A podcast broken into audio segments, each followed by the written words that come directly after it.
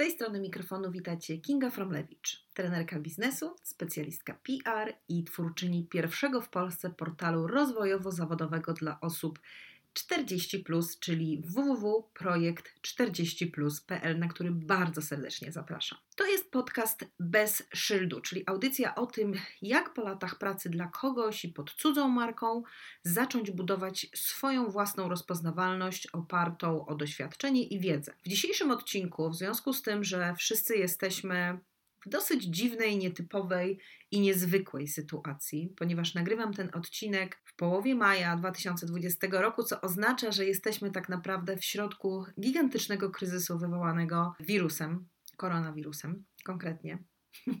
Korona, uśmiecham się, bo e, korona e, jest motywem przewodnim mojej książki zatytułowanej Zostań królową PR.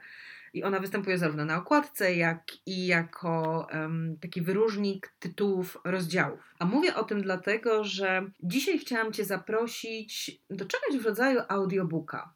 Pomyślałam sobie, że w związku z tym, że po pierwsze jestem PR-owcem, po drugie szkolę, szkolę e, online w tej chwili, właśnie z komunikacji kryzysowej i generalnie z komunikacji wewnętrznej czy zewnętrznej, czy budowania wizerunku właśnie w czasie kryzysu, to pomyślałam, że dzisiaj zaproszę Cię i robię to po raz pierwszy i w sumie też to jest dla mnie nowe doświadczenie. Bardzo jestem ciekawa Twojego odbioru, więc czekam też na feedback. Nie wstydź się do mnie napisać na przykład na LinkedInie. Pomyślałam, że przeczytam rozdział ósmy mojej książki, który zatytułowany jest Rebelia bądź królową zarządzania kryzysowego. Ja tę książkę pisałam w 2018 roku, ale jakby nie było to pomyślane na aż tak duży kryzys. Natomiast e, oczywiście to jest tak, że zarządzanie kryzysem wizerunkowym, kryzysem opinii, kryzysem PR-owym jest bardzo mocno wpisane w codzienność każdego doświadczonego PR-owca. I rzeczywiście tutaj trzeba dużego doświadczenia, dużej wiedzy, też takiej ogólnej, żeby dobrze taką sytuacją zarządzić. Dlatego pomyślałam, że przeczytam ten rozdział po prostu, jako taki bonus, zupełnie za free. A gdybyś chciał przeczytać całą książkę, ponieważ ona jest co prawda y, pisana w formie żeńskiej i jest skierowana głównie do kobiet, bo taka była potrzeba na ten 2018 rok, ale bardzo serdecznie zapraszam również mężczyzn do y, przeczytania jej, bo tak naprawdę wizerunek nie ma płci. I muszę powiedzieć, że na przykład mam klientów, którzy się do mnie zgłosili, klientów mężczyzn, którzy się do mnie zgłosili po przeczytaniu tej książki, więc coś jest na rzeczy. Gdybyś po przeczytaniu tego rozdziału, po zapoznaniu się z nim, e, chciał kupić całą książkę, zapraszam na moją stronę kingafromlewicz.pl ukośnik sklep. I tam tę książkę można kupić. To co? Zaczynamy. Rozdział ósmy. Rebelia bądź królową zarządzania kryzysowego. Stara dobra szkoła PR mówi: Jest jedna pewna rzecz w kryzysie. To, że się zdarzy. Nie zastanawiaj się więc, czy trudna sytuacja w prowadzeniu biznesu może ci się przytrafić, tylko dobrze się na nią przygotuj. Zacznijmy jednak od początku. Kiedy rozmawiam z właścicielkami mikrobiznesów, pojawiają się dwie kwestie. Panuje przekonanie, że kryzysy dotyczą dużych korporacji i bardzo poważnych problemów. Skąd ja to znam, że tylko wielkie firmy mogą korzystać z PR? Hmm? Oraz to, co to jest właściwie kryzys wizerunkowy? Odpowiadam więc, żeby było od początku jasne. Nie, kryzysy nie dotyczą tylko dużych. Znowu się trochę powtórzę, ale w erze mediów społecznościowych, kiedy niektóre biznesy istnieją tylko w przestrzeni social media, mikrobiznesy są szczególnie narażone na kryzysowe sytuacje, które w znaczący sposób mogą wpływać na ich wizerunek i drastycznie zmieniać sentyment klientów do marki. I tutaj e, taki bonus tego, że ja to czytam w podcaście, bo będę komentować, jeżeli coś mi się nasunie w trakcie czytania. I bardzo, bardzo chciałam zwrócić uwagę właśnie na to zdanie, że może się drastycznie zmienić sentyment klientów do marki. To jest to, co my mamy teraz na, na co dzień. To jest nasza codzienność w kryzysie. Zauważ, że wiele marek traci klientów, ci klienci szukają nowych rozwiązań, bo tak działamy w kryzysie i bardzo często po kryzysie może się okazać, że masz zupełnie inną grupę docelową. Warto wziąć to pod uwagę. Wracamy do czytania. Tu dochodzimy do drugiej kwestii, czyli czym właściwie jest kryzys wizerunkowy w małym biznesie. Czy to każdy negatywny komentarz, który pojawia się na blogu czy fanpage'u? Odpowiem jak prawnik. To zależy. To ty musisz zdecydować, czy to, co o sobie czytasz, godzi w Twoją markę lub może negatywnie wpłynąć na jej postrzeganie. I nie namawiam ani do ignorowania negatywnych wpisów na swój temat, ani przesadnego przejmowania się nimi, jednak musisz być czujna, bo kryzysowe czy trudne sytuacje, żeby nie nadużywać dużych słów, wymagają szybkiej i przemyślanej decyzji. Dodatkowa trudność polega na tym, że kryzys w social media może wywołać dosłownie wszystko. Elementem zapalnym może stać się komentarz, pytanie, na które nieuważnie odpowiesz, czy ironiczna uwaga o Twoim produkcie. Musisz też wiedzieć, że zdarza się, że kryzysy wybuchają z wpisów, które na pierwszy rzut oka wyglądają bardzo niewinnie. I tutaj znowu mój komentarz, bo rzeczywiście, zwłaszcza właśnie w takim kryzysie ogólno, nazwijmy to narodowo-światowym, jaki mamy obecnie, wszyscy działamy w stanie podwyższonej gotowości, na takiej bardzo cienkiej linii, która dzieli nas tylko od wybuchu. I nawet niewinny żart marki, który tej marce, czyli na przykład tobie, wydaje się świetny, może wywołać bardzo negatywne reakcje. Dlatego bardzo, bardzo, bardzo namawiam do tego, żeby w kryzysie jednak ważyć słowa nawet trzy razy bardziej niż normalnie. Wracając do czytania. Właściwie nie, bo tutaj mamy odniesienie do rysunku na kolejnej stronie, który prezentuje, jak wygląda najprostszy schemat cyklu życia kryzysu. Nie będę omawiać rysunku, zapraszam do książki oczywiście. Jak więc rozpoznać, czy dany wpis, opinia, komentarz mogą wygenerować Ci trudną do opanowania sytuację? Na użytek tego rozdziału przygotowałam listę, którą powinnaś skopiować i mieć zawsze przy biurku, bo pozwoli Ci szybko ocenić sytuację. Oczywiście na początku, bo z czasem będziesz już wiedziała, jakie są symptomy kryzysu, bez zaglądania do niej. I lista kontrolna kryzysu wygląda następująco. 1. Wpis odnosi się do merytorycznych kwestii. 2. Opinia jest emocjonalna, nawołuje do bojkotu marki, odlajkowania. 3. Opisana sytuacja szybko znajduje pozytywny odbiór u pozostałych członków Twojej społeczności. 4. Wpis jest szeroko udostępniany i komentowany. 5. Dotyczy nieodpowiedniego zachowania czy reakcji administratora fanpage'a czy strony www. 6. Ma zadatki na przejście do offline'u, czyli na przykład zainteresować media. 7. Napięcie wokół Twojej marki narasta gwałtownie w bardzo krótkim czasie. I 8. Zachowanie internautów uderza w dobry wizerunek Twojego biznesu, bądź Twojej marki, bądź w Ciebie, bo jeżeli budujesz markę osobistą, no to wtedy bezpośrednio uderza to w Ciebie. Jak korzystać z listy? Sprawdź, czy reakcja Twojego klienta, która Cię niepokoi lub zwróciła Twoją uwagę, wpisuje się w któryś z tych punktów. Jeśli tak, zwiększ czujność i przygotuj się do reakcji, jaką masz opracowaną w swoim planie działania na taką właśnie okoliczność. Bo tak, powinnaś mieć plan działania kryzysowego. W dużych firmach mówi się o książce kryzysowej, bo zebranie w jednym miejscu wszystkich procedur, kontaktów do osób tworzących sztaby kryzysowe zwykle daje książkę niezłej objętości. W mikrobiznesie, kiedy zwykle na początku jesteś w nim sama, nie musisz oczywiście tworzyć i spisywać skomplikowanych procedur, Byłoby to zresztą bez sensu, jeśli wiadomo, że na posty odpowiadasz tylko ty, ale powinnaś mieć przygotowany sposób reakcji na konkretny rodzaj komentarza Twoich klientów czy członków społeczności skupionych wokół Twojej marki, jaką tworzysz. Dobry plan działania uchroni Cię przed najgorszą możliwą reakcją w trudnej sytuacji, czyli przed paniką. Przygotuj się, dokładnie, przygotuj się, drogi słuchaczu, bo to nie jest tak, to jest mój komentarz, tego nie ma w książce bo to nie jest tak, że kryzysy mijają same z siebie, jak będziemy udawać, że ich nie ma.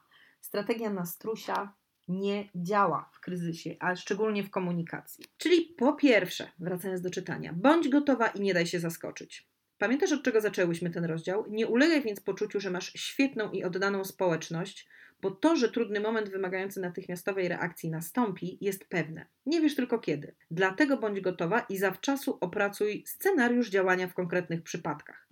Zastanów się, co jest najwra- najwrażliwszą, najbardziej wystawioną na atak częścią Twojego biznesu. W handlu będzie to zapewne jakość produktu, w usługach ktoś może stwierdzić, że nie dostarczyłaś jej na takim poziomie, jak się spodziewał. Przykład? Proszę bardzo. Na pierwszy rzut oka niewiarygodny, ale prawdziwy, na który trafiłam ostatnio. Pomimo lat doświadczeń, nie wpadłoby mi do głowy, że klient może się w ten sposób zachować. Otóż ktoś kupił szkolenie jeden na jeden z określonego tematu. Wyszedł z niego zadowolony, z przekonaniem, że szkolenie spełniło jego oczekiwania i zapłacił. Po jakimś czasie trafił na szkolenie do innej osoby, która negatywnie wypowiadała się, uwaga, o osobie prowadzącej pierwszą konsultację. Klient uznał, że w takim razie jednak nie jest zadowolony, mhm, skoro ta poprzednia prowadząca ma złą opinię w branży i zażądał od niej zwrotu pieniędzy. Szczerze się przyznam, że trochę mnie zatkało, jak to czytałam. Mamy w całej tej historii dobrze wykonaną usługę zadowolonego klienta, potwierdzenie w postaci zapłaty za szkolenie. Założę się, że trenerka była przekonana, że wykonała dobrze swoją pracę i rozstaje się z usatysfakcjonowanym klientem. A tu nagle, po jakimś czasie, dostaje żądanie zwrotu kosztów. Jak ty byś się zachowała w takiej sytuacji? Rozważałaby się w ogóle w swoim scenariuszu jako możliwą? Z tego, co udało mi się dowiedzieć, pani trenerka wcale nie wyśmiała żądań klienta, ale zaproponowała polubowne rozwiązanie, czyli zwrot części wynagrodzenia, skoro również poniosła koszty dojazdu, organizacji szkolenia, przygotowania i wydrukowania materiałów szkoleniowych. I teraz najlepsze. Mimo to klient nie był zadowolony z takiej propozycji i na prawo i lewo pisał w mediach społecznościowych, jak rozwiązać sprawę z, tu cytat, tym babskiem. Słuchajcie, to jest sytuacja prawdziwa. Y, ja o tym czytałam na którymś z forów, bo rzeczywiście mm, ta trenerka prosiła o poradę, co ma zrobić. Ale wracając do czytania. Jak więc widzisz, cios może paść z najbardziej nieprawdopodobnej i niespodziewanej strony. Dlatego w planowaniu działań na wypadek kryzysu chodzi o wymyślenie takich sytuacji, które mogą ci się przytrafić, a w kolejnym kroku przygotowanie przykładowych odpowiedzi i reakcji na nie. Bądź gotowa na najbardziej niespodziewane. 2. Wyłącz funkcję natychmiast tak. We wszystkich poradnikach przeczytasz, że w kryzysie najbardziej liczy się czas. Nie warto udawać, że nic się nie dzieje, a sytuację wyjaśniać po tygodniu. I to się zgadza. Musisz jednak dać sobie czas na przemyślenie, która reakcja będzie najbardziej odpowiednia w danej sytuacji, a czasem zwyczajnie na sprawdzenie, co tak naprawdę się stało. Często rozmowę prywatną z osobą, która coś ci publicznie zarzuca. Dlatego miej przygotowaną odpowiedź w stylu: Dziękuję za sygnał, sprawdzam co się dzieje i odezwę się najszybciej jak to możliwe.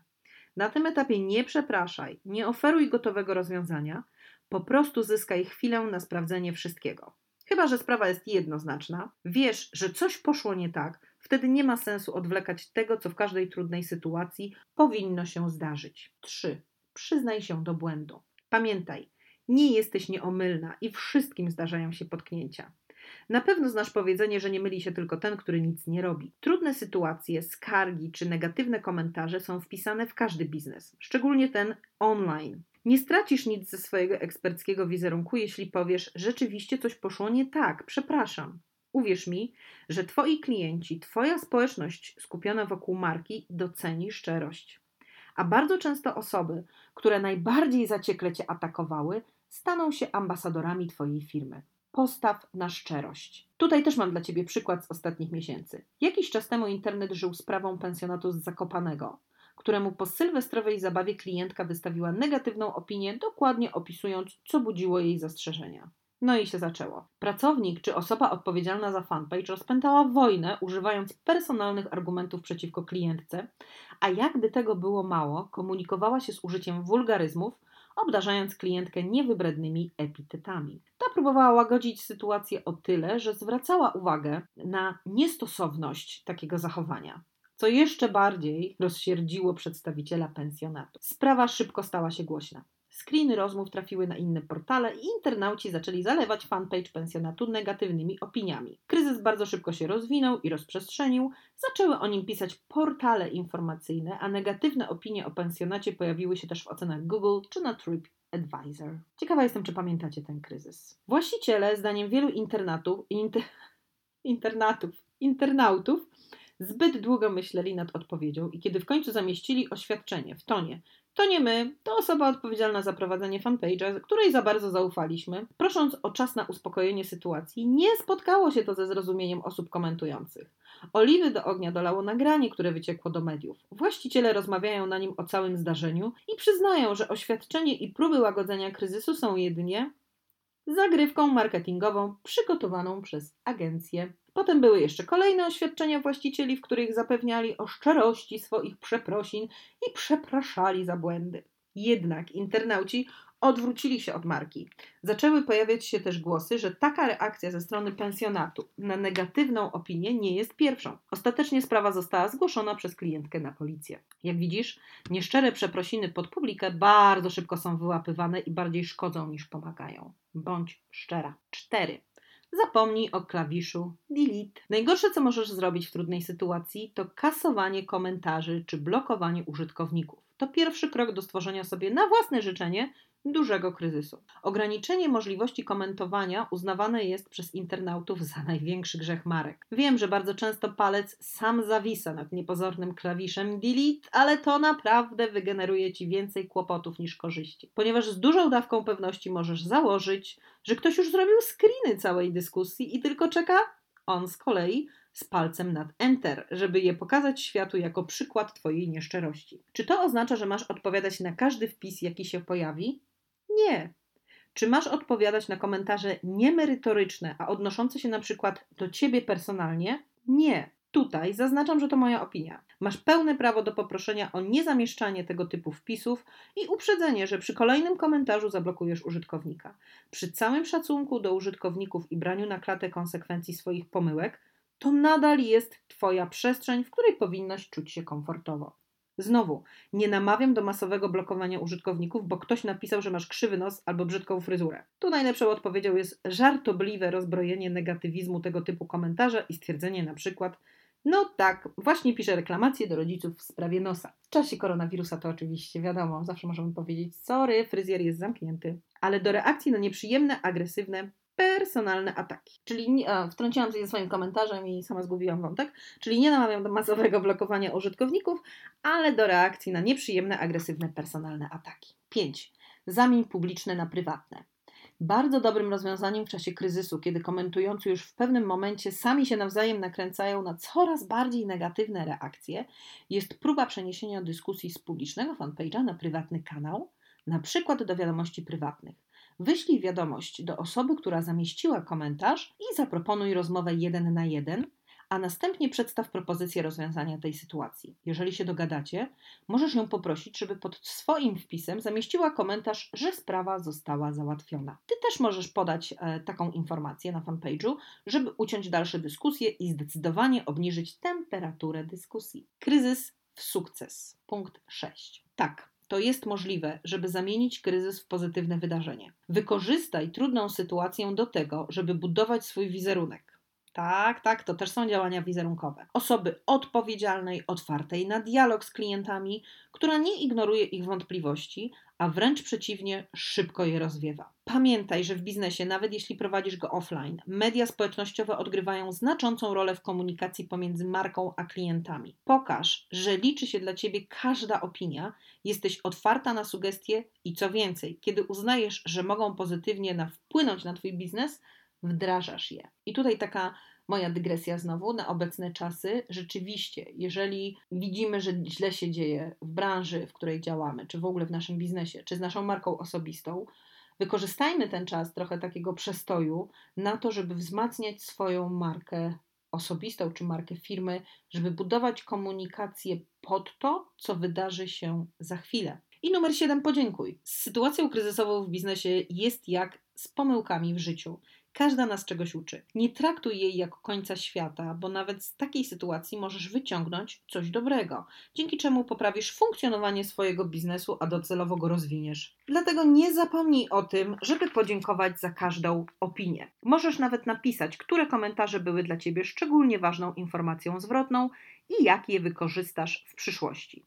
To obok szczerości jeden z kluczowych elementów zachowania w kryzysie. Kombinacja obu zapewni Ci pozytywny odbiór wśród klientów, którzy z czasem mogą nawet stać się ambasadorami Twojej marki. 8. Monitoruj. Możliwe, że dałaś się zaskoczyć przez pierwszy kryzys, jak większość z nas teraz, i prawdopodobnie nie wiedziałaś, jak zareagować. To zupełnie naturalne, szczególnie w mikrobiznesie, gdzie wszystkiego pilnuje się samemu. Nie pogrążaj się w poczuciu winy, że coś przegapiłaś, tylko przygotuj się do kolejnego razu. Prowadzenie biznesu z wykorzystaniem social mediów to tak naprawdę praca 7 dni w tygodniu. Nie wylogowuj się więc ze swojego fanpage'a na czas trwania dwutygodniowych wakacji, ale sprawdzaj regularnie, jakie komentarze się na nim pojawiają i w razie potrzeby reaguj. W miarę rozwoju rozważ też korzystanie z narzędzia do monitoringu treści w internecie. Na rynku jest teraz sporo ciekawych rozwiązań w tym zakresie, a praktycznie każde oferuje bezpłatny okres próbny podczas którego możesz sprawdzić, czy dane narzędzie Ci odpowiada. Bezpłatnie możesz skorzystać z Google Alerts, które nie jest idealnym narzędziem, ale na początek jest wystarczające. Czy dzisiaj bym poleciła Google Alerts?